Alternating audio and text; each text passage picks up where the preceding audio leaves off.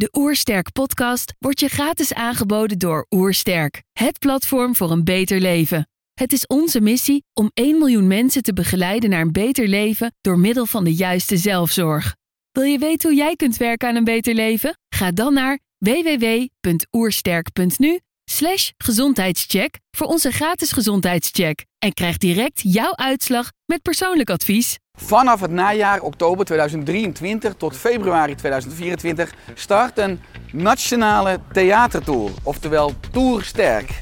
Heb jij ook zin in een avondje lachen, maar ook vooral inzicht te krijgen waar je levenslang van profiteert? En dat je bewuste, vitale naar huis gaat, een unieke beleving hebt samen met mij, zodat we samen het gezondheidsvirus verspreiden in Nederland en België. Want dat heeft de moderne tijd enorm nodig. Ik sta nog niet in Carré in Amsterdam, maar wel 26 kleine theaters bij jou in de buurt. Dus hopelijk kom je naar mij toe, want ik kom naar jou toe en zien we elkaar snel.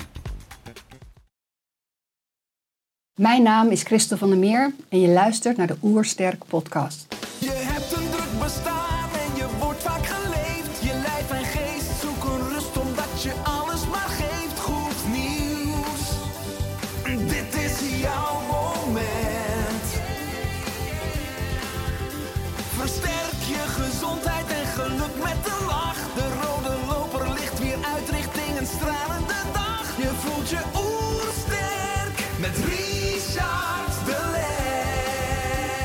We zijn hier in Heemskerk voor een podcast met Christel van der Meer.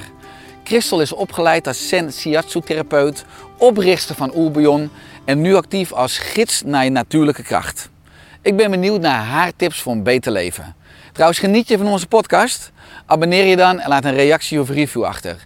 Zo help je ons om het gezondheidsvirus te verspreiden. Let's start! De Oersterk Podcast. Een ontdekkingstocht naar een beter leven. Christel, welkom. Ja, dank je. Bovenaan de website van Meer Shiatsu staat: Voed je bestemming. Word zo groot als je bent. Wat bedoel je hier precies mee? Zo. Ehm, wat ik daarmee bedoel is in ieder geval, ik denk dat we ons vaak kleiner houden dan we zijn. Vanuit schuilplek, vanuit overlevingsstructuren. En iemand zei laatst tegen mij, groot, groot, je hebt het toch altijd over dat je ook klein mag zijn. Eh, dus die, die, die was er al wat over in verwarring.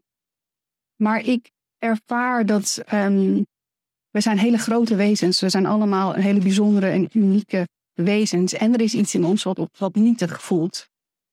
En dus een deel in onszelf dat denkt, nou, ik stel niks voor, ik ben een van de 8 miljard. En een ander deel weet, ja, maar ik ben ook uniek. Mijn biografie, mijn levenservaring, mijn ambacht maakt dat ik ook, ik heb iets unieks. En sommige mensen verlangen ook wel naar van, eh, op een dag komt er een rode loper en dan ontdekken ze me.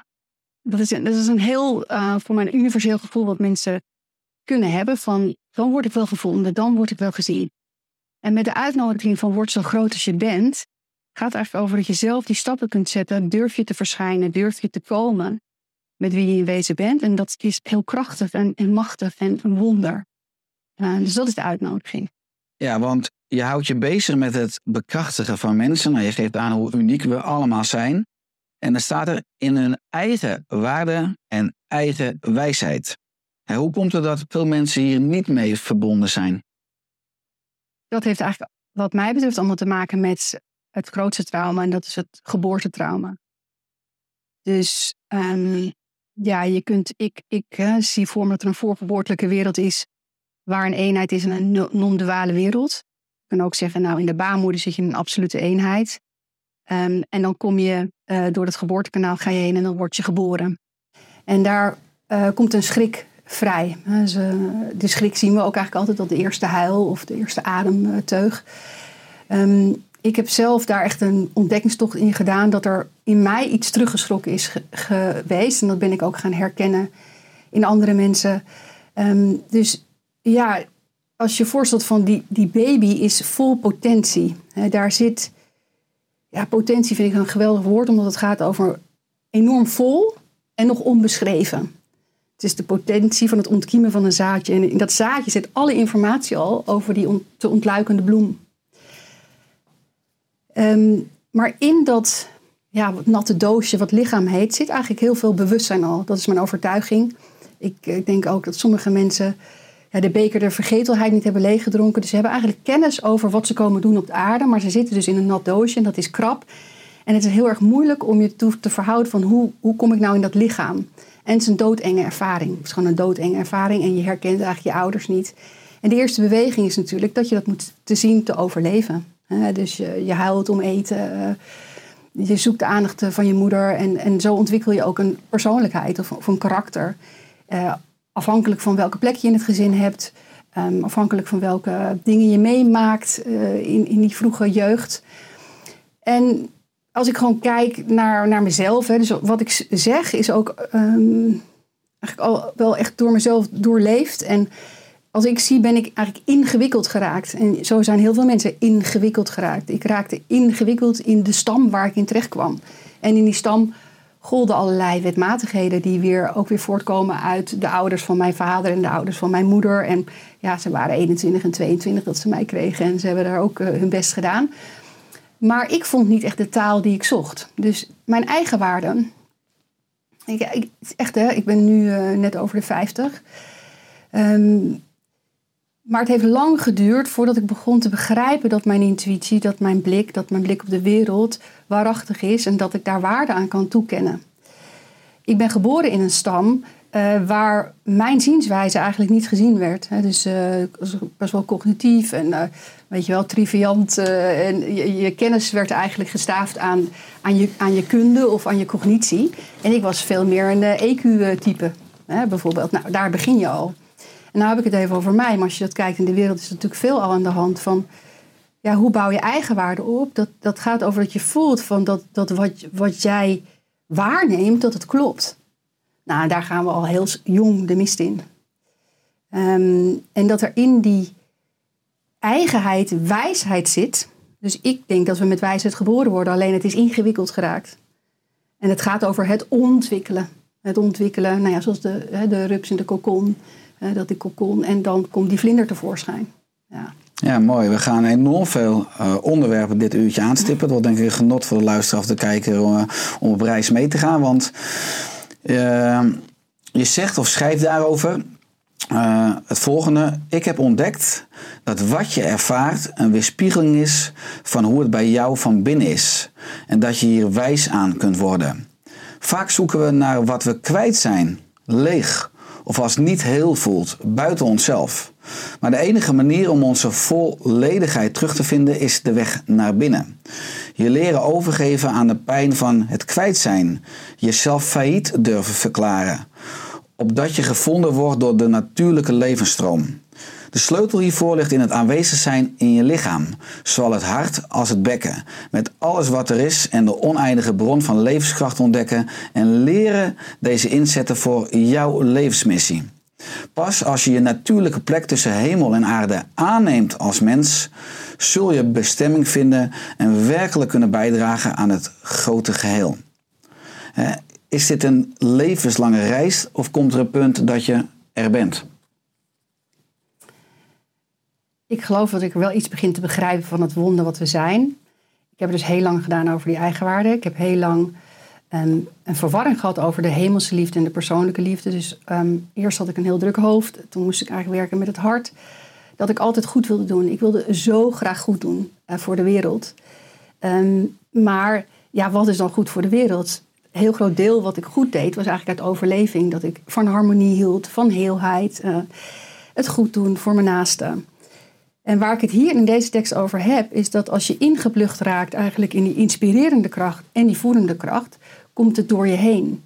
Dus waar ik eerder goed deed, het overleving, heb ik aangenomen in die overgave tussen hemel en aarde, dat, dat ik voortdurend gevoed word en geïnspireerd word, um, voortgestuurd word om bij te dragen. Want dat is altijd heel helder voor mij geweest. Ik heb altijd willen dienen of willen bijdragen.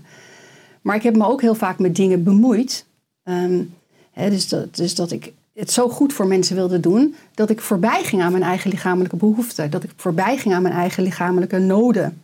dat ik grenzeloos beschikbaar was. En dat de tuin van mijn hart, daar woonden alle mensen in, bij wijze van spreken. Of de mensen verder dan mijn intimie. Ik, ik, ik, ik leefde altijd mee en ik, dacht, ik zag altijd die potentie van mensen. En ik dacht, het is heel belangrijk. Maar het aannemen van je plek en in de juiste ordening Dus het helemaal bewonen van je lichaam geeft een natuurlijke begrenzing. Ehm, dus, dus het hart, liefde of het idee, dus ideeën en liefde zijn eigenlijk grenzeloos, die zijn niet tastbaar. Maar in tijd en ruimte kan ik maar op één plek zijn. Ik kan hier nu zijn. Dus dat, dat aannemen van, de, van mijn eigen lichaam ehm, heeft ervoor gezorgd dat ik veel meer kanaal ben. Is het helder wat ik zeg? Of Ja, want mooi, want je, je zegt ook dan, en je schrijft ook van, want het is jouw geboorterecht om in je eigen natuurlijk te vallen. En hiermee draag je bij aan een betere wereld voor jezelf, je intimie en het grotere geheel. Ja. Als we dan die stap maken, hè, hoe zou de wereld eruit zien als ieder mens in zijn eigen natuurlijk valt? Ja. Ehm, kijk, ik ben niks op zich. Jij bent ook bezig met, ja, ik vind het echt geweldig het werk wat je doet, omdat je echt een beweging bent. Je bent, je bent inderdaad geen stichting, je bent geen onderneming, je bent een beweging. Je bent de beweging oersterk. Een beweging, ehm, waar ik erover heb geleerd, is flokking, zoals de vogels, weet je wel, de formatie van vogels. Dat ieder zijn eigen plek heeft en toch is er een synergie. En er is een enorme kracht. Als je kijkt naar zo'n zwerm spreeuwen, dat, is, dat vinden we allemaal waanzinnig mooi. En toch heeft iedere spreeuw weet precies waar die zijn moet in die beweging. En dus soms vliegt er ook nog wel eentje achteraan, die dan net niet helemaal. Hè? Maar, en er is een absolute vrijheid en ehm, gebondenheid. En dus dan heb je weer die polaire krachten. Dus hoe beleef je vrijheid? Dat heeft ook te maken met de gebondenheid aan je lichaam. Dus vroeger, hè, de mensen ook die heel veel bezig zijn met licht, licht en liefde, die zijn eigenlijk altijd bezig met die zoeken van vrijheid. Hè. Dat zijn heel veel mensen. Maar de gebondenheid aan het lichaam houdt ons hier. Nou, hoe ziet de wereld eruit? Als mensen daarin vallen, dan denk ik aan synergie. Dan denk ik eigenlijk aan zo'n, spreeuw, aan zo'n zwerm spreeuwen. Dat er een natuurlijke ordening ontstaat.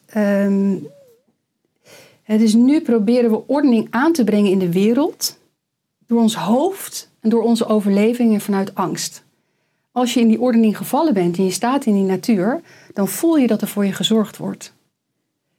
Dat, dat de aarde oneindig, oneindig voedend is, oneindig steunend, oneindig veel, ehm, regenererend vermogen heeft en dat je je daaraan kunt laven. Dat er een inspirerende kracht door ons heen werkt. Dan voel je je veilig. Dan voel je je veilig en gedragen. En als iedereen op de wereld dat zou voelen, dan zou je een ordening, dan zou er een synergie ontstaan in een ordening waarbij we de dingen doen die kloppen voor onszelf, voor onze intimie en voor het grote geheel. Dus eh, dan heeft ieder zijn plek. Het is natuurlijk een, ik zeg nu meteen, dat is dan mijn hoofd van, het is een utopie. Ehm, ik voel heel duidelijk dat we in een beweging zitten op dit moment in tijd en ruimte, omdat we aan een soort einde der tijden zitten. En dus jij hebt het over gezondheid. Ja, we zijn helemaal. Als je het hebt over failliet, daar zijn we failliet. En als we kijken naar ons gezondheidssysteem, dat, dat, dat, dat, dat loopt helemaal uit te voegen. Als we kijken naar de politiek, ehm, we weten niet meer wat waar is. En we hebben straks ook nog al die filmpjes dat je niet meer kan zien. Is het wel de echte premier die nu spreekt? Ehm, als je kijkt naar de economie, het kapitalisme was best wel een goed idee. Hè? Dat, eh, dat voedt de ondernemers in. eh, maar nu zie je ook dat dat winst, winst, winst. Zonder hè, niemand meer in de cockpit bij al die aandelen. En dat je twaalf keer je omzet per jaar. Dus ook een soort. We zijn er vergalopeerd. We zitten in een soort einde der tijden. Dus de structuren waar we in geloofden zijn aan het oplossen. En we voelen allemaal: oh my god, het is eh, vijf over twaalf of het is eh, half één. Eh, wat is er te doen? Ehm, en waar volgens jij en ik, volgens mij en velen met ons ook in deze podcast, waar wij mee bezig zijn, is natuurlijk oké, of in ieder geval wat voor mij nu heel urgent is geworden.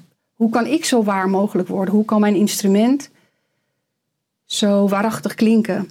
Eh, hoe kan ik eh, zo goed mogelijk aanwezig zijn in die inspirerende kracht, in die verbindende kracht en in mijn levenslust? Want als het hier klopt, dat is in ieder geval een houvast dat ik heb. En mijn werk gaat heel erg over datzelfde doen bij andere mensen. Want als we nu naar buiten kijken, ja, dan, ja, ook de jongeren, weet je wel, waar moeten ze het vandaan halen? Als we, in ieder geval is deze tijd, het einde der tijden, een oproep om het zelf op orde te krijgen. Dat voel ik, dat ik heel erg in deze tijd geboren ben. Ook een individualistisch tijdperk, nou dat loopt ook helemaal op zijn eind. Daarom is ook die roep naar inclusie. Die hele woke-beweging gaat over ja, we zijn eigenlijk pluriforme wezen, wezens. En nu gaat het over toilethokjes of paspoort. Daar gaat het natuurlijk eigenlijk niet over. Het is een verlangen naar. Ik ben eh, een non-polair wezen. Ik ben meer. Kijk, eh, jij bent en vader en ondernemer. En ik ben ook meerdere. Soms ben ik blij, soms ben ik boos. En mag dat allemaal zijn? Als ik naar mijn werk kom, mag ik dan ook mijn emoties meenemen? Natuurlijk niet de hele dag, maar mogen die er zijn? Moet ik dat verhaal van thuis dan helemaal achter me te laten? Dus we zijn een heel nieuw, op een nieuwe manier gemeenschap aan het ontwikkelen. Ja, mooi. Ja. Eh, als ik een paar stappen terug ga op jouw levenspad. Hè, je Ja. bent opgegroeid in het restaurant van je ouders en Ja. grootouders. Ja. Hoe was dat? Ja, ik vond het dus geweldig, want ehm, ik heb ook heel erg gemist toen wij naar een gewoon woonhuis gingen. Dat komt omdat ik dus heel erg gedreven ben door gemeenschapszin, denk ik. Dus, ehm, dus in het restaurant ervoer ik natuurlijk ehm, ook het samen. Er waren natuurlijk ook dingen die niet klopten, maar de herinnering die ik heb is dat er veel personeel was. Er waren keukens, daar kon ik in scharrelen. Er waren altijd mensen en op zaterdag hadden we een hele grote tafel met misschien wel 30 man personeel, want dan gingen de bar dancings open s'avonds. En dan zat ik daartussen als meisje. En dan aten we brood met gebakken, gebakken ei. En dan zat ik tussen allemaal mensen. En ik, dat gevoel van, ja, dat heb ik heel sterk. Samen een klus klaren. Daar, daar ga ik helemaal op aan. En dat maakt me niet uit of ik poep hoef te scheppen. Ik bedoel, ik heb ook heel veel gehoord met mijn partner, eh, mijn boerenpartner. Ehm, dat gevoel van, we zijn, dat is weer, die, dat, is weer dat vlokking. Van we zijn een, een zwerm spreeuw, we hebben nu dat café en vanavond gaan we knallen met z'n allen. Ik ben daar een schakel in. Ehm, dan voel je ook iets van dat menselijk potentieel. Het is natuurlijk heel erg mini, maar daar ben ik wel heel erg op aangegaan. Nou, Ja. Teamwork en het collectief ook vooral. Ja. Ja. En ook wel de onderstroom van communicatie. Ik heb dus natuurlijk, als ik dieper kijk, heb ik heel veel geleerd over communiceren. En over onderstroom. Ik heb te veel gezien. Ik heb, natuurlijk ook, ik ga- ik heb eigenlijk te veel gezien als een jong meisje. Ook in het gezin waar ik opgroeide. Ook wat onveilige dingen. En ook natuurlijk in het restaurant. Ik bedoel, er waren ook natuurlijk dronken mannen. Dat kan ik me niet meer herinneren. Maar ik heb natuurlijk wel ook de schaduw gezien. Ik heb heel veel gekeken. Ik was als een kind wat heel goed keek. Of moest opletten. Een mooie leerschool. Ja, ik heb echt wel een weg afgelegd van kijken. Dus op mijn 28e raakte ik burn-out en toen had ik therapie. En toen zei eh, mijn therapeut van...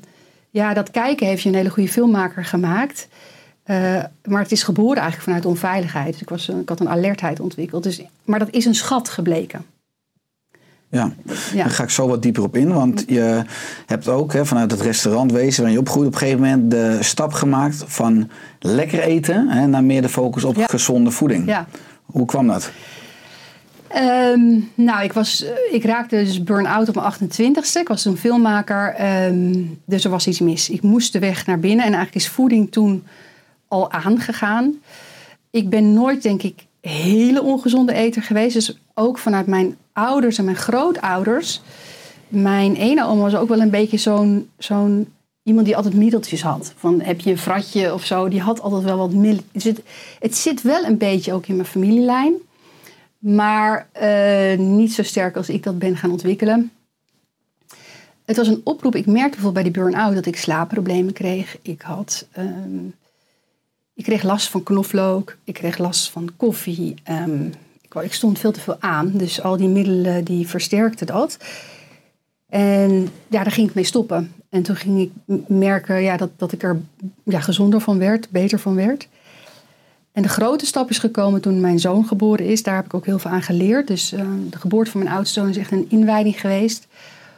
Omdat ik toen de kennis over geboortetrauma... eigenlijk door de geboorte van hem kwam ik heel erg tegen mijn eigen geboortetrauma. In ieder geval, hij werd een huilbaby. Eh, daar ben ik... eh, nou, het is allemaal heel goed gegaan, maar hij kreeg ook astma en eczeem. Wat helemaal gekoppeld is voor mij nu aan de manier waarop hij geboren is. En dat moet ook weer zo zijn, daar kunnen we een heel verhaal over hebben. Maar, en, en toen die astma en eczeem, ik voelde van ja, dit klopt niet. Ehm, ik ga daar niet allemaal puffers en zo in stoppen. En toen ben ik heel erg gaan zoeken. Ehm, met hem, met water. En eh, toen heb ik het ook, ja, dus voor mijn kinderen heb ik dat hele dieet eigenlijk aangepast. En voor mezelf. Ja. Ja. ja, ik ga zo wat dieper in aan op voeding, hè, want daar valt Ja. bij jou ook veel over te vertellen. Maar je maakt de stap van eh, documentaire filmmaker naar shiatsu-therapeut. Ja. Hè, hoe was deze overgang? Wat leuk dat je al die vragen stelt, Richard. Ehm, kijk, het is een hele natuurlijke overgang geweest. Het kwam zo, ik was natuurlijk burn-out geraakt. En iets werd in mij wakker van die grensloosheid. Ik kon heel goed mensen lezen. Ik kon heel goed kijken. Ehm, ik kon echt met mensen meereizen. Eh, maar ik was natuurlijk te ver overstrekt. Er komt iets bij dat ik alles vanuit mijn hart deed. Weinig bekkenbewustzijn had. Weinig, dus ik had mijn levenslust eigenlijk opgesoupeerd aan mijn familie, aan die films. Ehm, toen wist ik, ik heb meer eh, lichaamsbewustzijn nodig. Dat kwam eigenlijk, werd dat wakker in mij. En toen dacht ik, ja, ik kan wel yoga gaan doen. Dat kwam toen ook wel op. Maar ik dacht, ik wil even serieus iets doen. Want het had ook te maken met de ontmoeting met de ander. En ik dacht, ik kan wel iets alleen doen. Maar ik heb iets nodig wat me leert over de tussenruimte tussen mij en de ander. En toen zei iemand, denk ook eens aan zen shiatsu. En dat was echt ongelooflijk, want in mijn burn-out periode was ik, had ik tien zen shiatsu behandelingen gekregen. Dat was toen ik 28 was. En op mijn 35ste ging ik zen shiatsu studeren. Ik had er nooit meer aan gedacht, want toen was ik gewoon in die burn-out. Ik was heel blij met die behandelingen. Ik weet, mijn allereerste behandeling was echt dat ik dacht, wat heb ik nou meegemaakt? Ik had het idee, ik heb een wereldreis gemaakt in mijn eigen lichaam. Toen ging ik dus eh shiatsu studeren, omdat ik wilde leren over wat is ontmoeting en hoe kan ik daarbij bij mezelf blijven. Nou, Zen Shiatsu werk je met iemand op een mat. Ik zit ernaast en dan heb je natuurlijk de hele tijd te maken met waar ben ik, waar is de ander en wat neem ik nou waar en waar neem ik dat waar. En toen ontdekte ik dat ik niet met mijn ogen kijk, maar met mijn lichaam. Dat was een hele grote. Want ik was zo op het kijken gefocust, ook door het camerawerk. Altijd goed kijken naar mensen. Ik was, kon mensen dus goed lezen. Maar met Shiatsu moesten we een keer blind werken. Dus met een blinddoek voor. En op de tast. En toen dacht ik, oh, maar ik neem het op een hele andere plek waar. Of daar. Ik, ik neem iets waar met mijn ogen, maar ik neem nog veel meer waar in mijn eigen lijf. Toen was ik nog steeds filmmaker, want ik dacht, nou, ik ga gewoon wel door. Maar de me is dat, het geen wilsbesluit geweest, het is heel natuurlijk verlopen. Eh, ik ging gewoon mensen ontvangen, dat groeide. En ik dacht, ja, als mensen op mijn mat lagen, dacht ik, dit is net filmmaken. Voor mij voelde het, voor mij voelde het hetzelfde. Want Christel, of dat wat ik ben, zoekt altijd verhaal en waar de discongruentie zit. Van waar het niet op zijn plek of waar wel op zijn plek. Wat is hier de puzzel? Dat deed ik als filmmaker ook. Ik dacht, wat zegt iemand nou? Wat dacht ik, ja, hier zit een verhaal. Hier zit een verhaal. En nu is het een diagnose. Is het een, is een andere manier. Maar mijn doel met filmmaken was altijd mensen tevoorschijn toveren. Want als je mensen, nou, nu doe jij dat bij mij, je bent mij aan het interviewen en jij helpt mij tevoorschijn komen. Dat deed ik als filmmaker, maar dat doe ik ook in mijn praktijk. Ik wil mensen helpen tevoorschijn te komen. In hun potentie, in hun kracht, zo groot als ze zijn. Mhm. Ja, mooi, want wat ik mooi vond is dat je zei, als documentairemaker leerde ik het verschil kennen tussen kijken, waarnemen en gewaar worden. Ja. Wat is het verschil? Kijk, kijken is dus, ik heb het heel lang gekeken dat ik toeschouwer was van de wereld. Ik denk dat ik er ook een beetje uitgeklapt ben, dat ik dus niet helemaal in mijn lichaam zat toen ik geboren werd. Ik was een beetje een hemels, levenslustig, heel blij meisje, maar wat heel alert was. Dus ik was goed alert. Dat kijken heeft te maken van, oké, daar is die wereld en hier ben ik. En oh, maar hè, hoe ga ik me verhouden tot die wereld? Je ziet het ook bij kleine kinderen vaak aan mama's rok. En een beetje kijken om de hoek van, is het veilig? Maar is het veilig, dan zit je nog steeds in alertheid. Het is niet dat je aanwezig bent tussen hemel en aarde. Je bent eigenlijk in een soort tussenwereld van, is het veilig, kan ik tevoorschijn komen? Waarnemen gaat al meer ehm, over het hart. Dus ehm, eh, gaat meer van, kan ik toelaten wat er in de wereld is? Kan ik dat aannemen? En hoe wordt dat waar? Welke reactie heeft dat in mij teweeg? Dus dan is er al meer verbinding met de wereld. Um, dus het hele stuk veilig, onveilig is weg. En gewaar worden, dat is meer het ervaren van dat er door je gedaan wordt. Dus, dus dat je soms niet meer zo goed weet, heb ik dit nou waargenomen, maar het, het beweegt al door me heen. Dus ik kan wel eens hebben dat ik naar mijn auto loop en dat ik denk, hé, maar ik, ik wil niet in mijn auto. Waarom wil ik nou niet in mijn auto? Moet ik iets doen of zo? En dan denk ik, oké, wat wordt er nu van me gevraagd? Dan word ik iets gewaar. Er is iets wat ik opeens gewaar word, dat ik niet zomaar de auto in kan stappen. En dan moet ik gewoon even zitten, bij wijze van spreken. Denk, ben ik iets vergeten? Wat is het doel van in die auto stappen? Maar dan, dan, dan val je meer samen ermee. Ja. Ja. Ja. mooi, want je bent je ook na de burn-out hè, op enorm veel gebieden gaan ontwikkelen. Ja. Je zijn heel ingewikkeld, maar ontwikkelen. Ja. Onder andere door Tao-training. En daarover zeg je, Tao-training gaf mij de taal en formules voor het leren ordenen van mijn innerlijk landschap. Ja. Is het een gemiste kans dat we dat allemaal als kind niet op het basisonderwijs krijgen aangeboden, Tao-training? Ja, kijk, ik moet wel zeggen, het Zen Shiatsu valt ook eigenlijk vanuit het Taoïsme. Dus zit er eigenlijk ook in. Dus het, het is wel gelijk op met Zen Shiatsu en het Taoïsme. Ehm, ja, kijk, mm, dus met, in het Taoïsme werken we met een innerlijk landschap. Dus er is een uiterlijk landschap. Dat is de tast, hè, dat kunnen we aanraken. Dat innerlijk landschap zit niet aan de binnenkant van deze huid. Ja, waar dat precies zit, is meer een andere realm of een andere sfeer. En je kan zeggen dat daar een energetische blauwdruk is van, van je nieren. Van, het is eigenlijk een heel landschap. Het is eigenlijk een heel landschap, net zoals buiten ons sterren zijn en bergen en dalen en water. Zit het ook in ons. Daar zit al een hele belangrijke sleutel. Dus als je zegt, wil je dat kinderen leren? Ja, dat zou ik heel graag willen leren. Want wij verheffen ons heel vaak van de natuur. Dus, dus alsof we losstaan van de na- natuur. Alsof ik dus kijk naar de natuur. Maar als je kan snappen, oh ja, maar de bergen en de rivieren zijn ook in mij. En welke functies heeft dat? Nou, dat heeft onder andere hè, de bergen met de longen te maken. Nou, er zijn allemaal beelden. Hè. Dus die oude Chinezen. En eh, dat Taoïsme komt dan meer uit de Kunlun-gebergte, waar ook de zijderoutes liepen. Dus dat is ook wel een mengvorm. Het is niet echt een religie, maar een soort mengvorm van oude wijsheid. Ehm, die hebben nooit in mensen gesneden. Maar die hebben wel gedacht, wat maakt dat een mens leeft? En als een vogel kan vliegen, wat vliegt er dan in ons? Of wat, wat, eh, hoe zit dat? Dus wat het, wat het doet, is dat je begrijpt, ik ben een mens. ehm, en ik val in een ordening. En ik ben onderdeel van een mensheid. Dus dat is eigenlijk de derde kracht. Dus je hebt zeg maar een inspirerende kracht. Je hebt eh, een voedende kracht, de aarde. En de mensheid is eigenlijk een derde kracht. En als we die op stoom krijgen, krijgen we dus een spreeuw. Hè, dan krijgen we zo'n heel mooi flokkingssysteem. Want in mijn eentje ben ik niks, maar in de gemeenschap ben ik alles.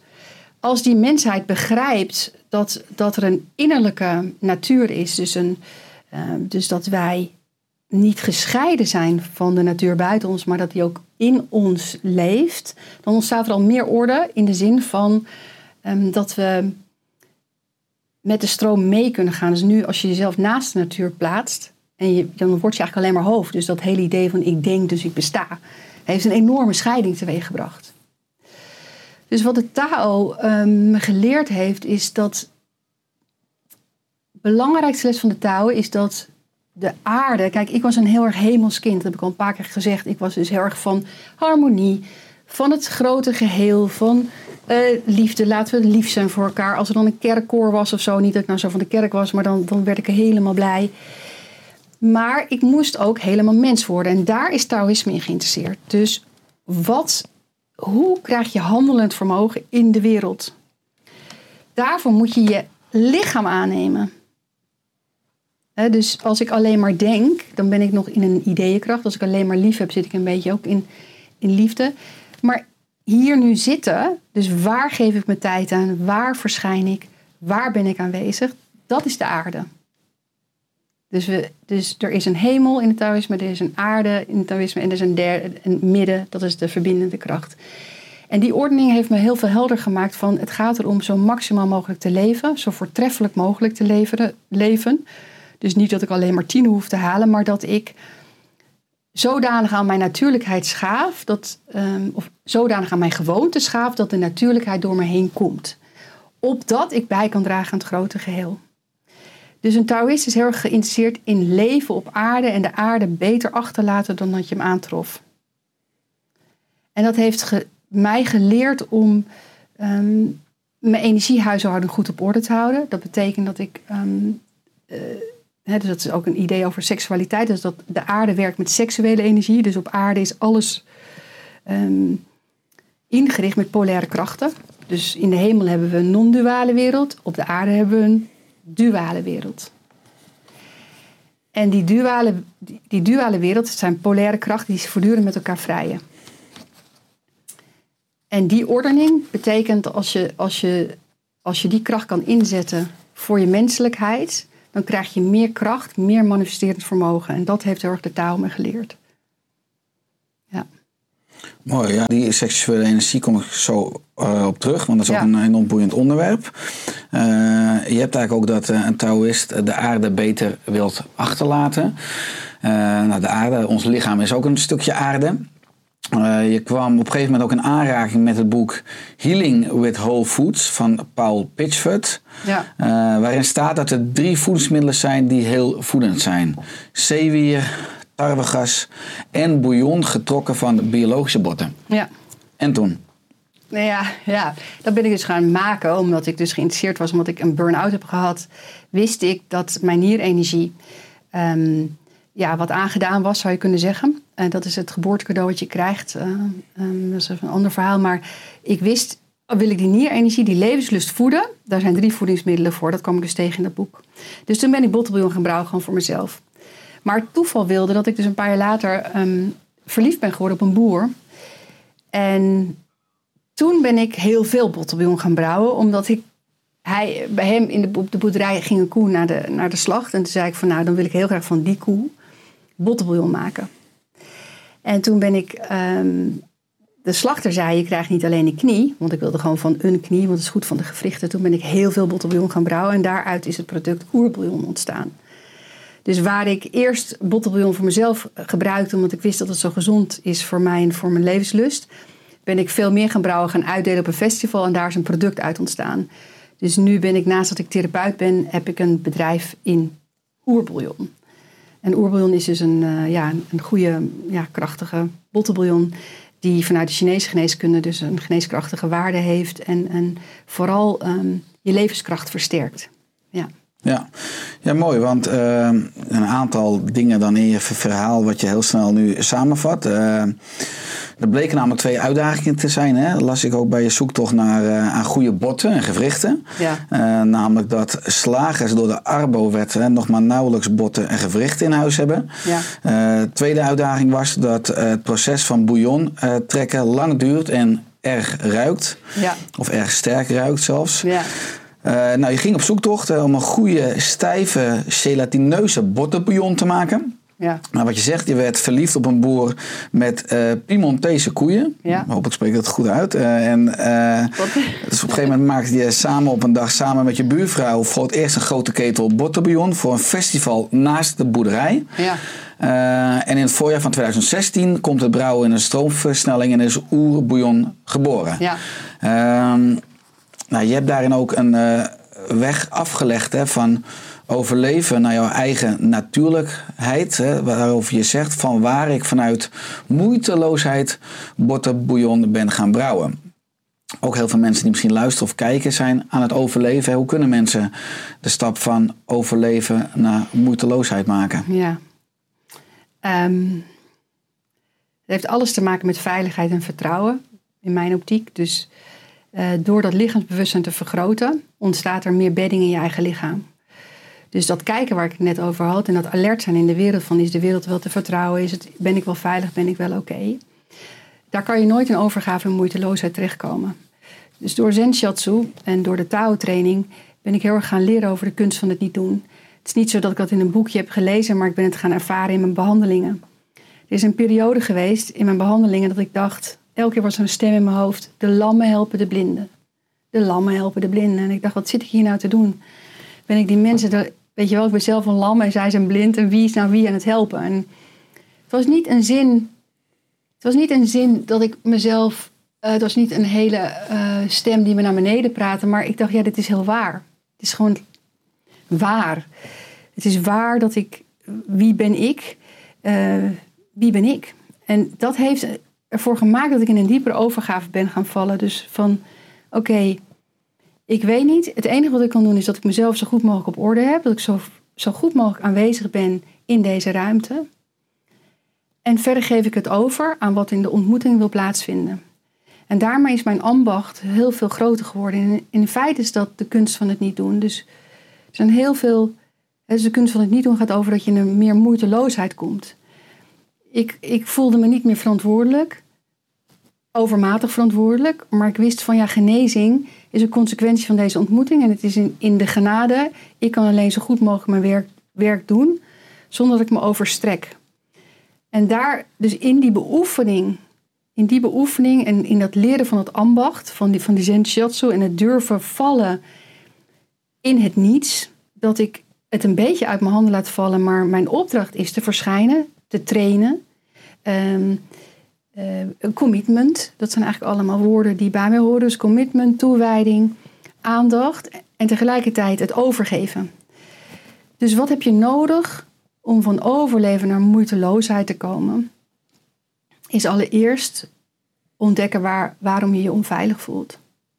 Dus een gebrek aan vertrouwen heeft ook altijd te maken met een gevoel van onveiligheid. En een gevoel van onveiligheid woont eigenlijk in de cellen van je lichaam. Kan, de, het hoofd is eigenlijk maar een symptoom. Dus het ronddraaien in je hoofd van niet goed genoeg of al die dingen. Ik leer mensen altijd van oké, maar waar voel je dat in je lichaam? En ik geloof erin dat elke cel van ons, ons lichaam heeft plek voor bezieling en plek voor levenslust. Maar heel veel van onze cellen zijn niet wakker en niet aan. Die zijn ook in beslag genomen door trauma. En trauma hoeft niet een groot trauma te zijn. Dat zijn hele kleine mini-trauma's. Dus van alles aan de hand. Dus van overleven naar moeiteloosheid is lichaamsbewustzijn. En het aannemen dat het getetter in je hoofd een afleiding is van wat er werkelijk te voelen is. Daarmee aan de slag gaan. Dat helpt je op het pad van, van moeiteloosheid. Er zijn prachtige, prachtige verhalen, zenparabels over de kunst van het niet doen. En die gaan bijvoorbeeld over een klokkenmaker vaak. Dus een klokkenmaker die giet dan een bronzen klok voor, voor, voor een kerk of voor een dorp. En dan is er altijd zo'n verhaal dat de klokkenmaker een hele mooie opdracht krijgt. Van het keizerlijk paleis mag je alle klokken gieten. En die klokkenmaker die krijgt die opdracht hè, via een heraut of zo. Die komt hem dat vertellen. En hij heeft daar zo'n eigen bedoelingje met zijn klokkenvervaardiging. En dan gaat hij vervolgens niks doen. Of hij gaat zijn schuur opruimen of zijn atelier opruimen. En dan gaat hij lopen en in de natuur zijn. En wat hij aan het doen is die hele week, is eigenlijk zich klaarmaken voor het moment. Ja, trainen voordat het moment daar is. Wat hij aan het doen is, hij moet langs van, oh my god, misschien kan ik het wel helemaal niet. Oh, oh, de keizer, straks mislukt het. Hij moet langs al die stemmen. Hij moet zorgen dat hij zijn tanden heeft gepoetst, maar ook energetisch, dat energetisch alles op orde is. Dus daarvoor gaat hij naar de natuur, daarvoor gaat hij mediteren, daarvoor gaat hij slapen, gaat hij tijd verlummelen. En al, al dat is voorbereiding, want hij weet, hij is al 30 jaar klokkenmaker. Dat ambacht zit in hem. Maar hoe kan hij zo leeg mogelijk verschijnen op het moment dat hij hem gaat vervaardigen? Opdat het door hem heen gebeurt. Dat zijn eigenlijk uh, parabels over de kunst van het niet doen. Oh ja, het gaat ook heel erg uh, nou, om innerlijke voeding. Nou, ik maakte net even een sprongetje van het bottenbouillon weer naar binnen. Maar uh, als ik dan wat inzoom op oerbouillon, hè, uh, waarom is bottenbouillon zo gezond? Hè? Bijvoorbeeld voor de huid, haar, Ja. bloedopbouw, darmen, gewrichten Ja. en het immuunsysteem. Ja, dat is interessant. Hè? Dat, ehm, ik heb het natuurlijk oerbouillon genoemd. Ik weet nog dat we in een brainstormsessie zaten van hoe gaan we het noemen. En dat oer, dat, dat verwijst naar een paar dingen. Oer verwijst naar de botten. Dus als je kijkt naar botten. Botten houden eigenlijk de essentie. Dat is onze skeletstructuur op aarde.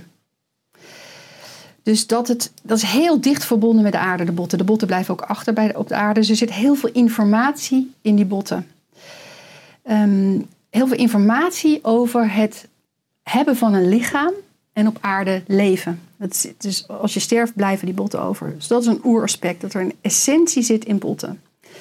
Een ander oeraspect is de manier van bereiden. We werken eigenlijk met water en vuur. Het is eigenlijk botten in water en vuur eronder. En tijd. Eh, Dus is, de tijd brengt de magie. En natuurlijk de hoogte van het vuur. Dat is een oerprocedé. Daar zit, dat is eigenlijk heel dicht nog bij ons. We hebben wel vuur nodig en we hebben water nodig. En daar zitten dus krachten in. In het water zit een kracht, in het vuur zit een kracht en in de botten zit een kracht. Is eigenlijk een, ja, ik zie altijd zo'n kooldron voor me, echt zo'n ketel. En dan gaan we naar het derde aspect. Dat is natuurlijk dat het oeroud is en van over de hele wereld. Er zegt alle volkeren over de hele wereld hebben dit gedaan of doen dit. In zo'n ketel dit trekken. Ehm, vanuit de Chinese geneeskunde, zo heb ik het leren maken, ehm, heeft er dus iets te maken met lang leven en je levenslust versterken. Ehm, zo lang mogelijk leven, zo vitaal en zo lang mogelijk leven. Daar zijn die Chinezen en die Taoïsten in geïnteresseerd. Want hoe langer je leeft, hoe meer je wijs kan worden en hoe meer handelend vermogen je kan krijgen. Als ik natuurlijk nu kijk naar de onderzoeken van collageen. We hebben zitten natuurlijk in de westerse wereld. En de collageenstreng is een lange eiwitstreng. eh, die opgebouwd is uit allerlei aminozuren.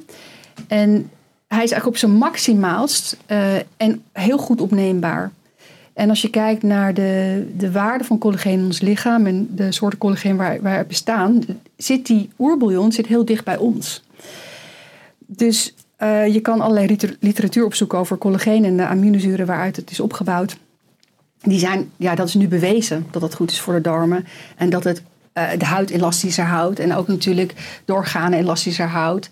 Maar die, ja, die, hoe die Chinezen dat weten, weet ik het niet. Maar die hadden gewoon meer het beeld van ja, in die botten zit onze essentie, want dat blijft achter op de aarde. Ja, mooi, want je gaf al aan dat het goede bottenbouillon de nier, ying, hè, ondersteunt. Ja, ja. Volgens dan ook de oude Chinese wijze. Hè, dit zou volgens hun ook levensverlengend zijn.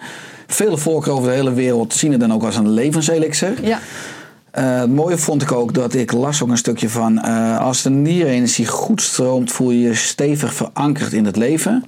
De nierjing, hè, de essentie-energie van de nier is heel speciaal. Het is het cadeau van je ouders en je voorouders. Het is de basis van je levensenergie. Deze energie wordt elk jaar dat je ouder wordt een beetje minder. En het is daarom belangrijk om zorgvuldig met deze energie om te gaan volgens de oude of volgens de Oosterse geneeswijze. Je hebt een bouillon van kip en van rund. Zit Ja. er een verschil in geneeskrachtige eigenschappen? Ehm, nou, kip is natuurlijk wezenlijk een ander dier dan een, eh, dan een koe. Dat is, eh, dus je kan zien, een kip beweegt anders. eh, dus, dus daar kan je gaan kijken van. ehm, dus het wezen van het dier is anders. Maar kijk, ik heb geen collageenonderzoek laten doen. Dat zou ik nog wel willen doen, maar dat was heel complex en heel erg kostbaar. Ehm, daar had ik niet de middelen voor. Eh, maar ik weet uit de literatuur dat de een, ze bezitten alle, ehm allebei de drie typen collageen. Alleen oerbouillon rund eh, heeft iets meer collageen 1, wat iets meer gericht zou zijn op de botten en de ligamenten. Dus ook op de darmwand en de elasticiteit. Ehm, en collageen type ehm 2 zit meer in de kip. En die is wat meer ontstekingsremmend. Maar ze zitten dus in, allebei even, ze zitten in allebei alle drie. Alleen de een is iets meer gericht dus op, op het skelet. Dat is meer de rund. Dan kan je ook voorstellen, grotere botten. Nou ja, kan je een beeld hebben. En de kip is iets meer, nou dan heb je de kippensoep, de Joodse penicilline. Dat is natuurlijk ook al heel lang bekend. Dat dat eh, het immuunsysteem heel versterkt. En eh, bijvoorbeeld na een operatie. ehm, dus kijk, voor een operatie wil je eigenlijk goed bloed opbouwen. Dat is goed voor de rund. Dus eh, stel je hebt een operatie, dan wil je zorgen, dan ga je ook bloed verliezen. Dat die bloedopbouw goed is. Dat je goed, ehm, ja, dat noemen ze dan... gevoed bloed hebt eh, voor de operatie en na de operatie wil je eigenlijk niet dat de wond gaat ontsteken. En dan zou je dan bijvoorbeeld meer iets kip nemen. Dus dat zijn lichte verschillen. Ja. Welke variatie neem jij en hoe vaak neem je zelf oerbouillon? Ehm, ik heb altijd fases, dus ik ben nooit iemand die. eh, ik neem. Ik ben voorbij de overgang, of ik zit in de overgang. Ehm, dus als vrouw, eh, voorbij de 50, en als je de overgang hebt gehad, is best wel belangrijk ook om de botten goed te houden. Dus ik neem meer rund op dit moment, omdat dat goed is voor mijn skeletstructuur. Ehm, en ik neem het zeker drie keer per week ehm, en meestal wel iets meer. Maar er zijn ook wel eens dat ik van een heel aantal weken het helemaal niet neem. Dat heb ik ook wel eens. Maar ik volg dat altijd in mezelf. Ja. ja. Ook een stukje lichaamsbewustzijn, hè, wat je hier aanstipt. Ja, Eh, dat is wat ik altijd mensen vertel. Mensen vragen natuurlijk altijd mij van hoeveel moet ik nemen? En ik verwijs hen altijd weer terug naar henzelf van... Ga voelen, ga kijken wat doet het met mijn energie, wat doet het met mijn stoelgang. Dat zijn de dingen die je het snelst merkt met oerbouillon. Je merkt iets aan je energie. Ehm, het geeft echt wel een boost, zoals, zoals koffie dat ook kan doen. Het, het heeft vrijwel direct invloed op je stoelgang. En ook wel op je nagels en je haar. Dat zijn dingen die mensen wel snel waarnemen. En hoe het van binnen zit. Ja, sommige mensen hebben grotere klachten. En dan heb je vaak heb je wel langer de tijd nodig. En dan nog, hè. Ik zeg heel vaak... Ik heb echt, Richard, ik heb echt waanzinnige wonderverhalen van mensen die... Waar die oerbouillon zulke mooie dingen heeft gedaan. En als ik dan navraag... En dan ga ik mensen altijd bellen, want dan wil ik weten van hoe zit het. En dan zie je toch dat ze altijd al op een pad zijn van die puzzel leggen. Ze zijn op een pad van ontwikkeling. Ze zijn op zoek, eh, ze zijn op meerdere fronten aan het ordenen en helen. En dan is het wel eens zo dat die oerbouillon als een rijpe appel precies... Hè, dan denken ze, het is die oerbouillon. Maar ik zie toch heel vaak dat het een... Ja, het is een geheel. Het is een hologram, ja. Ja. Ja, want je hebt ook verschillende prijzen gewonnen met Oerbouillon. Uh, onder andere de publieksprijs bij de bioproductverkiezing. ja. Hoe is dat? Nou, leuk. Dat was gewoon heel leuk. Kijk, ik hou van mensen. Ik wil het goede brengen. Ehm, ik heb dit, dit is uit zoveel joy ontstaan, dit oerbouillon. Ik voel ook dat het ehm, eh, helemaal kristal is. Dus ik, ik wou er eerst vanaf van die oerbouillon. Ik dacht, oh, dit wordt veel te groot. En ik ben eigenlijk therapeut. En ik moet er van af. En totdat ik bedacht, oh ja, maar ik ben natuurlijk een moderne sjamaan. Dus ik bedoel, ik ben gewoon echt een natuurgenezen puur zang. Dus ik heb ook een goedje. Ik heb ook gewoon een... eh, en als het publiek dat dan waardeert en je krijgt er een prijs voor, is dat gewoon heel feestelijk. Mhm. Ja, mooi. Ik kan me voorstellen. En, want dat lees ik ook terug dan uiteindelijk hè, op de site. Staat, het is mij te doen om zo maximaal mogelijk te leven. Om het leven zo goed mogelijk uit te pakken en zo groot te worden als ik ben. Oerbouillon draagt hieraan bij. Het voedt mijn essentie en verbindt mij met de voedende kracht van de aarde. Waardoor ik steviger op mijn benen sta. En dat gun ik iedereen. Heb je dan ook een mening over andere bouillons, vaak ook niet biologisch op de markt? Ehm, kijk, eh, mijn bouillon, ik zie mijn bouillon echt als een elixir. Ik zie hem niet als soep. Maar ik, ik, ik zou het liefst elixir willen noemen, maar dat, dat gaat dan niet. Maar Dat mag niet, bedoel je? dat mag ook niet. Nee. nee ehm, dus ik mag ook heel weinig zeggen op mijn website. Dat is ook heel jammer. Ik mag niet iets zeggen over eiwitten. Dat mag allemaal niet. Je bedoelt qua Nederlandse voedsel- en warenautoriteit. Ja, qua ja. ik heb helemaal aan het claims. begin, ik heb helemaal het begin heb ik een berisping gekregen, want had ik gewoon een hele leuke website zelf gemaakt met waar het allemaal goed is. En toen kreeg ik een, een zo'n pakket thuis en ik, ik zat echt, echt, oh, ik wil het natuurlijk altijd heel graag goed doen, dus ik word helemaal bang. En toen dacht ik, nee, Christel, goed lezen, goed lezen. Nou, ik was dus berispt. Iemand uit Zweden had me dus ook iets van de kwakzalverij. En, eh, nou goed, dus heb ik, heb ik wel geleerd van, oh ja, dit is hoe het werkt. Andere soepen, andere bouillons. Hmm, kijk, ehm, dit is het bouillon zoals we hem bedoeld hebben. Ik, heb dus, ik gebruik heel veel botten op water. Daarmee is het bijna een medicinaal drankje. Dat mag ik natuurlijk ook niet zeggen. Alle bouillons zijn goed. Kijk, bouillons, nou niet alle bouillons. Heel veel bouillons zijn goed als ze biologisch getrokken zijn en niet eh, met E621 erin zit of eh, smaakversterkers of eh, te veel zout. Maar in feite is bouillon natuurlijk een heel gezond goedje. Het is licht verteerbaar. Ehm, en er zit veel voedingskwaliteit in. Maar er zijn natuurlijk bouillons en soepen op de markt. Ja, echt. Ik, ik kijk altijd in het schap. En zeker de soepen, de gebonden soepen, dat is echt nou, vooral zout. Dus je kan niet zeggen dat alle soep, de soep in de winkel is meestal niet gezond. Dat- zou je kunnen zeggen. Ja. Nou, het is een soepzootje. Hè? Een soepzootje. Eh, maar dat is wel, ja. wel grappig dan als we de brug maken. Want eh, ik heb natuurlijk op mijn eh, Instagram veel video's eh, die ik dan maak in de supermarkt. nou, jij reageert soms ook hè, op mijn Insta-filmpjes. Eh, zo reageerde je ook op een vloeibare drinkyoghurt met cheesecake. Ja. Eh, je schreef, waar zijn we beland? Hè? Marktwerking, suiker zelfs, overal gratis ketjes bij weggeven. Zoveel verleiding van de gemakscultuur. Ja. Hoe kijk jij naar het moderne voedingslandschap? En Oh, misschien dan wel misschien een brug dan wat zou je doen als minister van gezonde voeding? Ja, nou, het is echt, eh, ik vind het echt eh, heel heftig al heel lang. Hè. Dus ik, ook, ik weet niet hoe lang ik hier al in zit. Dus in mijn super, ik ben heel specifiek naar de supermarkt ga. Mijn kinderen kijken alle etiketten, ook in ieder geval, die zijn ook al een beetje beducht. Dus omdat ik dat altijd voorleef, altijd kijken hoeveel ingrediënten zit erin.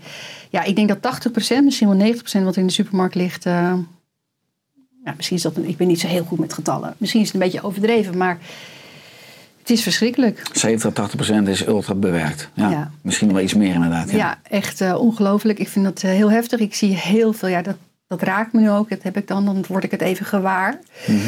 dat, dat zie ik dus gewoon bij heel veel kinderen. Ik was laatst op vakantie ehm, waar veel families waren en veel kinderen. En dan zie je dus de kinderen soort overbewegelijk. eh, ik zie ze niet in hun as. Ik, zie, ik kan veel zien aan het lichaam. En dan zie ik eigenlijk ook heel veel. Ik zie, wat ik zie is dat voeding het grootste probleem is. Dat is wat ik lijkt te zien aan de lichamen. Overprikkeling, te veel suikers, te weinig levendigheid. Hè. Dus als je, dat is ook zo gek, op dit pad van ontwikkelen, ja, ga je ook heel goed voelen eh, de kwaliteit van eten. Je gaat proeven als het bewerkt is. Je, gaat, eh, je voelt dat, je proeft het en je gaat verlangen naar fris en gezond. Maar je moet mensen daarin opvoeden. dat gaat niet vanzelf, want we zijn zo verslaafd als ik weet niet wat. We zijn allemaal zo leeg dat die verslaving altijd op de loer ligt. En dan krijg je dat gemakseten. Ja, ik, ik verwijt het die mensen niet. Er moet eerst meer bewustzijn zijn, meer voelslichaam. Want dan mijn kinderen die, voelen, die proeven dat meteen zo'n cheesecake smaak. Die vinden dat meteen nep, maar ze hebben dat ook nooit gekregen. Of nooit gekregen, ze eten dat natuurlijk wel eens waarschijnlijk. Maar ze, ze proeven wel dat chemische daaraan. Maar dus opvoeden daarin. En daar hebben supermarkten natuurlijk zeker ook een rol in. Ja. Ja, nou, dat is mooi, want eh, wij zijn alle twee heel erg bezig met ja, misschien eh, waarachtig leven, maar ook gezonde, vitale, opbouwende Ja. voeding. Veel mensen eh, zijn ook bezig met een gezonde leefstijl en voeding, maar met langer leven en dan de dood wegdrukken. Oh, hè. Misschien ja, ook ja. angst voor de dood. Dat vind ik Ja. juist interessant, omdat wij eh, ontmoeten elkaar vandaag voor het eerst live, hè, maar wij kennen elkaar al jaren. Zeker ook via de mailbox en via Insta. Ehm, zo hebben we ook eens via Instagram gefilosofeerd over de dood. En, eh, Hebben jij, wij dat gedaan? Ja, ja, zeker. Daar komt die aan. Jij, jij zei toen, en dat prikkelde mij enorm, want ik heb ook op een blauwe maandag naast mijn geneeskundeopleiding filosofie gestudeerd op de VU. Alleen die opleiding ging er niet goed samen. Maar je zei, eh, als je de dood insluit, eh, dan kun je het leven voluit gaan leven. Eh, je wordt zo niet meer opgejaagd door de dood, maar gevonden door de levenslust. Wat bedoel je hier precies mee? Nou, ik heb een ervaring ook zelf gehad waarop eens ik dacht dat ik misschien dood ging omdat er iets mis zou zijn in mijn lichaam. Ehm, dus daar heb ik dat heel sterk aan ervaren. En ik heb het daarna eh, proefondervindelijk gezien, ook om me heen. En steeds meer gaan ervaren wat het betekent. Ehm, ja, als je kunt, ja, als je beseft van dat de dood in elke hoek van de kamer is, die is er eigenlijk altijd aanwezig. En wat we doen is dat we de dood wegdrukken. En dus dan, dan wordt het een soort ja, monster in de hoek van de kamer. En je rent er steeds voor weg. Dus je, heel veel mensen hebben achtervolgingsdromen. Hè? Dat is wel even misschien interessant. Heel veel mensen hebben terugkerende achtervolgingsdromen. Dat is een bekende universele droom. En dan weten we ook, eigenlijk als je leert omdraaien in zo'n droom. En je, je, je zou hè, dat wat achter je aan zit, dan stopt dat. Maar ja, krijg het maar eens voor elkaar in je dromen. Dat wat ons najaagt, dus ik ben heel veel bezig met ordening in het lichaam. En wat ik ontdekt heb, is dat eigenlijk voor het lichaam, dus voor je, is de storm van de werkelijkheid. En de hele tijd worden we overweldigd ehm, door het leven.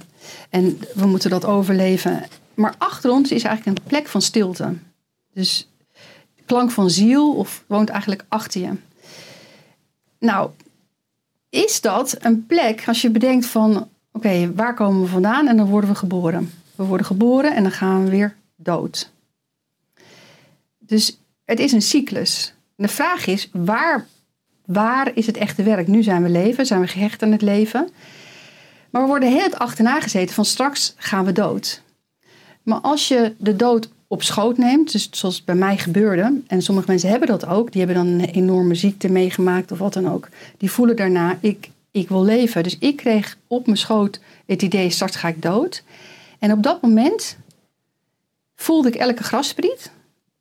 Ik voelde een enorme levenslust. Ik voelde de zon op mijn haren. Ik voelde, ik voelde zo'n last for life. Omdat ik dacht, ik ga dood. Daar waren redenen voor.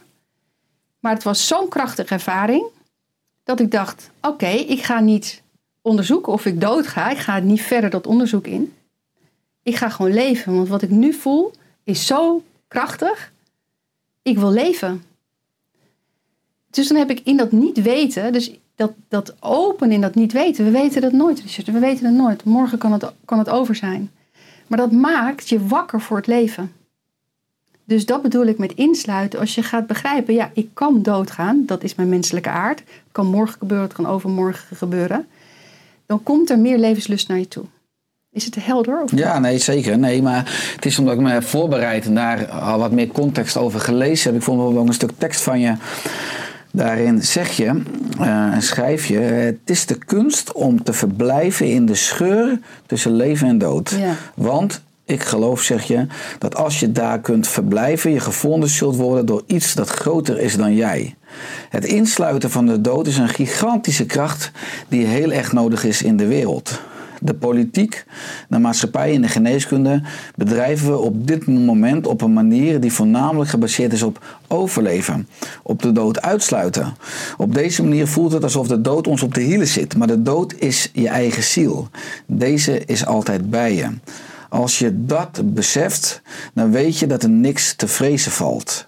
Pas als je de dood kunt insluiten, kun je voluit gaan leven. Neem de dood op schoot in plaats van hem achter je te plaatsen en hem achter je aan te laten lopen en hem tussen jou en het leven in te zetten.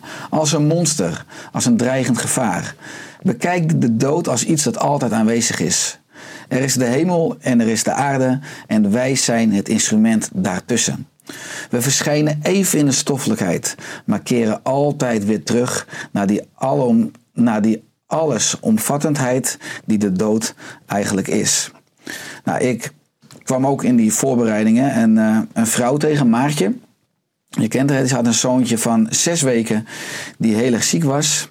En je zei toen in jouw praktijk tegen haar wat nou als het de bedoeling is dat je zoontje doodgaat? En Maartje, dus die vrouw, zegt daarover: hè, Het was niet iets wat ik wilde horen en al helemaal niet iets waar ik bij stil wilde staan. Maar door haar woorden werd er bij mij een proces in gang gezet dat mijn leven totaal veranderd heeft. Jullie hebben het hierover in haar podcast, aflevering 2 van de podcast van Maartje. Die heet Radio Gletscher. Wat voor reacties kreeg je op deze podcast? Ik heb er niet zoveel gekregen. Ik, ik weet het niet, maar... Maar het is natuurlijk een heel, laat ik zo zeggen, er ligt vaak ook een enorme beladenheid Ja, op de dood. En ja, mijn moeder vond het geloof ik eh, niet zo leuk. mijn moeder, kijk, eh, ja. Nee, ik... ehm, Ja, het is ongelooflijk hè, dus dat, dat Maartje ook bij me binnenkwam. En, en het is natuurlijk heel heftig om tegen iemand te zeggen. Ik, ik heb dat volgens mij wel getimed. Dus het was natuurlijk in een, in een bepaalde context. Maar het was duidelijk dat ze elke dag naar Leiden aan het rijden was. En eh, met, met camera's. En ik zeg, ga goed kijken naar het kindje. Wat wil dat kindje? En soms is het voldoende als zijn voeten de aarde raken. Ehm, Ja, Kijk. mooi, mooi, want dat is natuurlijk onze. Veel meer mensen die in het hoofd leven en overleven, eh, die kunnen dat niet bevatten, kunnen dat niet voelen, wat je dan heel vluchtig zegt. Want die, die, die, ten koste van alles zet ze in op leven, bedoel ik. Hè, omdat de dood geen plek mag hebben. Ja. Maar dat, kijk, we hebben hier een hele mooie cirkel. Je hebt een cirkel om oersterk heen gezet. En je hebt ook nog een beetje een ingangetje boven en onder waarschijnlijk vanwege die neon. Maar eigenlijk kan je zeggen dat het bovengedeelte is de hemel, de onderste helft is de aarde. En als je dus cyclisch gaat denken, dan is de vraag waar doen we ons werk? Ja, ik ben natuurlijk een ontzettend, ehm, ik ben er helemaal van overtuigd dat ik nu verschijn, dat ik zoveel mogelijk gloed op de aarde wil achterlaten. Maar dat wat ik doormaak, dat ik dat doorzet aan de andere kant. Dus ik, ik, het leven is niet een cirkel, maar de, de dood daarbij in. En dat zien we in de natuur. In de winter is alles stil. Alles lijkt dood. Er zijn geen blaadjes aan de bomen. Alles heeft zich teruggetrokken in het diepste van de aarde. Het is kaal. Het is wit.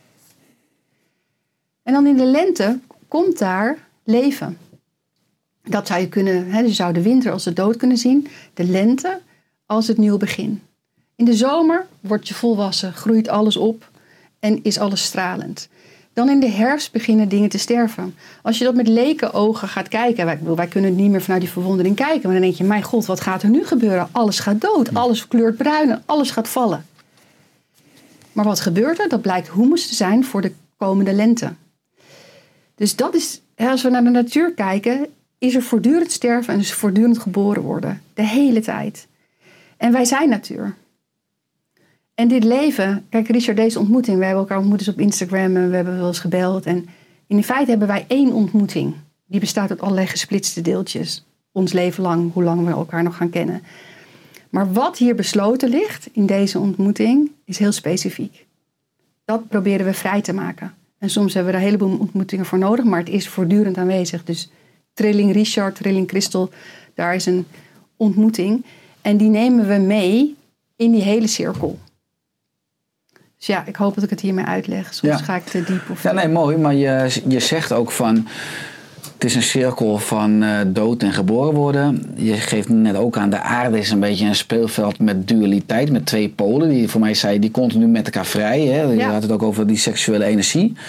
Ehm, seksuele energie speelt een belangrijke rol hè, bij het vol worden van binnenuit. Ja. Eh, hoe kijk jij dan ook naar de huidige seksuele revolutie met eh, Tinder en Second Love? Oh, dat is de reden. Dat is eigenlijk uitwassen van de seksuele bevrijding in de jaren zeventig. Dus ehm, ehm, we zijn toen uit een jaren 50 cultuur. We zijn natuurlijk eh, heel erg gezinnen, man, vrouw en dan kind en kinderen. En nou, was allemaal gekuist. Toen moest dat bevrijd worden, homoseksualiteit, eh, baas in eigen buik. Dat vrouwen terecht kregen op abortus, super belangrijk. Maar je ziet nu dat we eigenlijk in een ja, we zijn te ver doorgeschoten. Net wat ik zei over kapitalisme of over politiek. Of we zijn, het, het, is gewoon, het ligt op straat en het ligt overal. En je, je rijdt in de auto en er wordt aangeprezen om vreemd te gaan, bij wijze van spreken. Of, hè, en nou ja, dat, hele, dat is een hele, hele vraag. En dat wordt allemaal onder de noemer van vrijheid. Maar je ziet eigenlijk de eerste beweging alweer van kuising terugkomen. Mensen denken, nou, ik doe beginnen helemaal niet meer aan.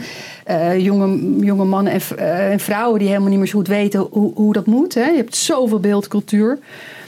Nou goed, dat gaat echt over seksualiteit en dat gaat over vrijen en, en, en genot. En, maar waar ik het over heb, over die aarde-energie, um, dat heeft er wel allemaal mee te maken, maar is uh, als je um, veel, zoals jij hebt veel bewustzijn, je hebt veel bewustzijnsontwikkeling gedaan en je hebt steeds meer macht. Geen valse macht, maar je kan mensen, je inspireert mensen. Dat doe je vanuit een soort zielsmissie.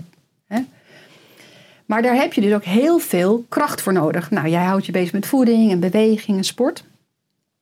Maar eigenlijk is die, het trainen van je seksualiteit, dus dat je gaat snappen dat, dat wij, wij batterijen hebben. En die batterijen hebben te maken met de nierenergie en met de geslachtsdelen. Met, uh, met uh, um, testicles en met eierstokken. Die zijn verbonden met de nieren. Um, en die kun je um, trainen of die kun je vullen eigenlijk. En daar kan je een kind mee maken, maar die kun je ook door jezelf heen laten stromen. En dat klinkt altijd heel abacadabra, maar dat is. Dat zorgt ervoor dat je meer levenslust hebt dan een gemiddeld iemand. Ik denk, kijk, jij bent al heel goed in de ordening, want je, je, je bent al lekker aan het trillen omdat je je zielsmissie aan het leven bent. Maar ja, er komen ook dingen op je af, van buitenaf. Dus je hebt eigenlijk meer kracht nodig dan een gemiddeld mens. Je hebt een heel team gebouwd. Maar hoe blijf je nou goed geankerd? En daar hebben dus die Taoïsten het over. Ja, dat wordt gebruikt in de krijgskunst. Dus uh, ja, wil je goed kunnen vechten in het oude China, of nog steeds bij voetbal is het ook, dan doen ze aan geheel onthouding. Maar wij missen de technieken. Maar die technieken zijn ooit ook bij ons geweest, maar dat is eigenlijk allemaal door christendom en zo is dat allemaal verwaterd geraakt of kwijtgeraakt of opgesloten in het Vaticaan. Want nu geven we de nonnen en priesters niks meer. Die mogen niet vrijen, maar waar moet het dan heen? Dat is bedoeld om te vrijen met God of het gesprek met God op gang te brengen. Maar daar zijn dus technieken voor. En daar ben ik dus in geschoold. En dat heeft eigenlijk oerbion doen ontstaan. Ik heb het gevoel dat door, door die seksuele uh, training en, die seksuele energie goed op orde hebben, krijg je meer manifesterend vermogen. Dat komt on, onder je hart te zitten. Waardoor je een soort goede fusie krijgt eigenlijk. Want ik, ik, ik als je me had gevraagd, Richard, wilde jij uh, oerbouillon starten of een onderneming hebben met, met, met, met bouillon? Dat, dat, dat, lag helemaal niet in de planning. Maar dat is eigenlijk echt door me heen gekomen. En niet verwonderlijk, want ik kom uit voorouders. Eén was slager, de ander was herbergier. Ik heb dat eigenlijk in mijn lichaam zitten, die wijsheid. Over koken, over ondernemerschap. Maar ik was vanuit mijn ziel, werd ik heler. Maar nu zijn die twee bij elkaar gekomen. De kennis vanuit mijn ouders, van voorouders, van mijn, wat eigenlijk besloten ligt in mij. Terwijl ik ja, vanuit de roeping in mijn ziel ben ik natuurlijk wegbewogen van mijn ouders. Werd ik in een tijdje nog zelfs vegetarisch. Weet je wel, ik wilde helemaal anders worden. Mm -hmm. Ja, het mooie is dat het heel erg gaat om het trainen en beheersen van die seksuele energie. Ja. Uh, en die beheersing zijn we dus kwijt als je nu kijkt in de maatschappij ja. naar uh, Tinder en Second ja. Love. Uh, jij zegt daarover, want je hebt jezelf ook getraind, de valleitechnieken openen mijn bekken en de seksuele levensstroom. Je geeft ook op je website zie je allerlei trainingen, waaronder de online training Vallei-orgasme. Ja, dat blijft natuurlijk een prikkel in de titel. Ja. Maar wat kan deze training dus mannen en vrouwen brengen?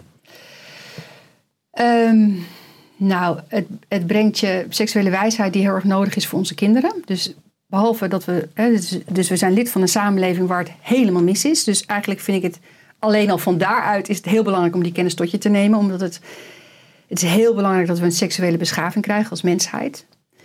Persoonlijk gaat het je heel veel veiligheid op, opleveren in jezelf. Meer bedding, Dus dat je meer vertrouwen voelt in je lichaam, meer kracht. Ehm, en ehm, ja, wat het het meeste doet, is dat je dus je manifesterend vermogen sterker wordt. Dus ehm, je, wordt, ja, je krijgt meer kracht, meer levenslust tot je beschikking om je missie te verwezenlijken. Maar een belangrijke is natuurlijk, ja, ik vind echt, hè, dat, ik, ik zeg het niet zo snel, Richard, van ik ben ook niet zo'n iemand die. Ik ken niks wat, wat, wat is. Dus valleiorgasme is een ontzettend prikkelende titel en iedereen vindt het dan hè? maar het is zo ontzettend wezenlijk wat daar eh, onderwezen wordt en wat het mij ook heeft opgeleverd. Dus ook heel veel creativiteit. Eh, het heeft ook invloed op je slaap, daar had ik al niet zo'n problemen mee. Maar het heeft heel veel in- eh, invloed op je hormoonhuishouding. Je wordt minder verslaafd. Een van die dingen op aarde is dus die leegte. En het zoeken en het vervullen van die leegte. En dan krijgen we last van dopamine-achtige dingen. Dus die prikkels van die telefoon, die prikkels van die suiker, die prikkels van gamen. En eh, die dopamineproductie die gaat als een dolle. Ehm, en er moet steeds een sterkere prikkel. Nou, pornografie is hetzelfde, er moet steeds st- sterkere prikkel. Met de verleiorgastische technieken bouw je aan serotonine en kalmeer je dat hele vlucht-vechtsysteem. Dus het wordt allemaal kalmer, het wordt veiliger om op aarde te zijn. Je wordt een veiliger mens en je wordt een krachtiger en machtiger mens. In de goede zin van het woord. Mooi. Ehm, als je het hebt over al jouw activiteiten, wat, wat ik eerder benoemde, wel een soort moeiteloos gaat, maar is het daar soms uitdagend om ook balans te houden in jouw leven? Of lukt het je altijd inmiddels? Nou, ik zit nu in een, in een periode van rust. Nou, ik werk, ik werk nog, hè, maar ik heb iets minder cliënten. Want ik voel dat ik in een groeistuip zit. Dus ik zit in een groeistuip. Want je ziet wel, Richard, ik, ben, ja, ik zie ook, hè, ik ik voel het echt als een geschenk dat jij mij al deze vragen stelt. Want ik ben heel erg bezig met wat ben ik nou en wat is nou mijn boodschap? Nou, mijn boodschap gaat over natuurlijker leven. Ik, ik zit dicht tegen jou aan. Jij zit meer aan de voedingskant. Ik zit meer het leren ordenen. Dat mensen gaan zelf gaan voelen van hoe, hoe doe je dat zelf? Maar hoe kan dat eh, efficiënter, helderder? Ehm, ik heb Oerbulon nu goed op orde. Dus ik heb nu iemand die me helpt daarbij. Ik heb dat allemaal beter eh, in kaart. En ik zit in een fase van... eh, ja, ik, ik neem dat heel serieus. Hè? Ik, eh, als ik mijn knie voel of eh, mijn arm... Of ik, ik, ja, ik, dat is wel fijn aan die natuurlijkheid. Dat ik me niet schroom of, of om ook die tijd voor mezelf te nemen. Ik heb bijvoorbeeld zomervakantie gehad. Ik ben drie weken bezig geweest in een soort mies gevoel. Nou, het regende ook. Daar ben ik nooit zo bevattelijk voor, want ik heb een heel goed humeur vanzelf.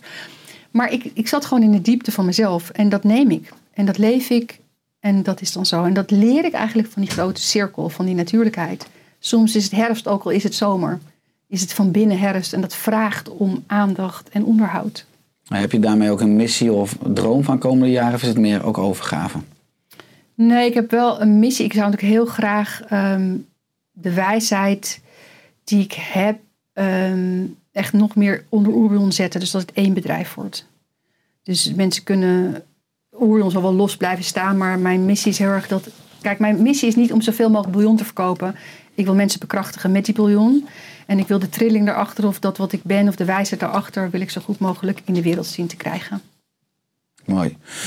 Eh, mooie reis, Gistel. Is aan het einde van de podcast nog iets dat je graag wilt toevoegen?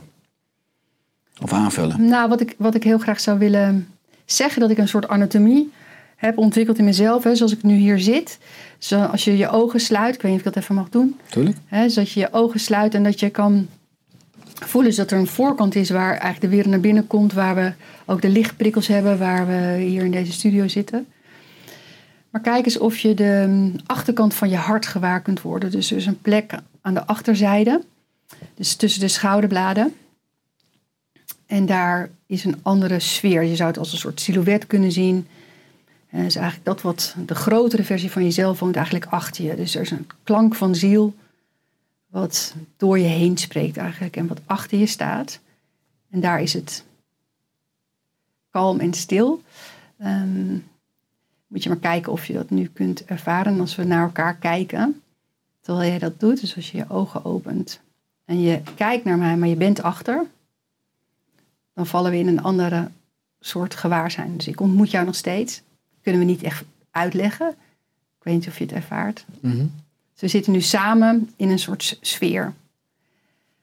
Dit is een heel belangrijk voor mij om mensen dit te leren. Van, mensen moeten het thuis maar even proberen, maar dat je gaat voelen van oké, maar dan is de werkelijkheid heel anders. Ik heb zoveel ruggensteun. Dus als ik iets ga doen wat ik spannend vind, dan zorg ik dat ik goed geankerd ben in mijn rug. Dus niet te veel voorover. Oh, goed geankerd in mijn rug. Dan heb ik links van me altijd het blijmoedige kind. Wat nieuwsgierig is. Pippi Langkousen. Ik ben nieuwsgierig van aard. Ik heb moed. Als ik alleen maar hier ben, word ik overmoedig. In mijn rechterhand heb ik het kind wat kan voelen, meer mijn voelslichaam. Het kind wat zich soms nietig voelt, of de kristal die zich nietig voelt, van ik ben maar één van die 8 miljard, wat ben ik nou eigenlijk helemaal? En als ik zo de wereld in tegemoet treed, voel ik me sterk. Heb de aarde onder me, hemel boven me, achter me mijn ziel.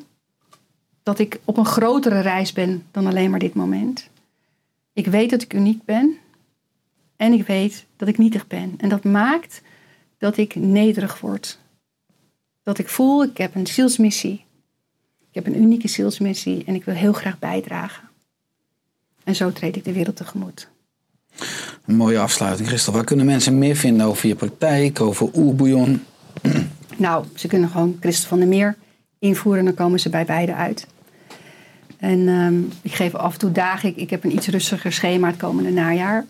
Maar Oerbouillon kunnen ze zeker vinden. Ik ben goed te vinden en iedereen is welkom.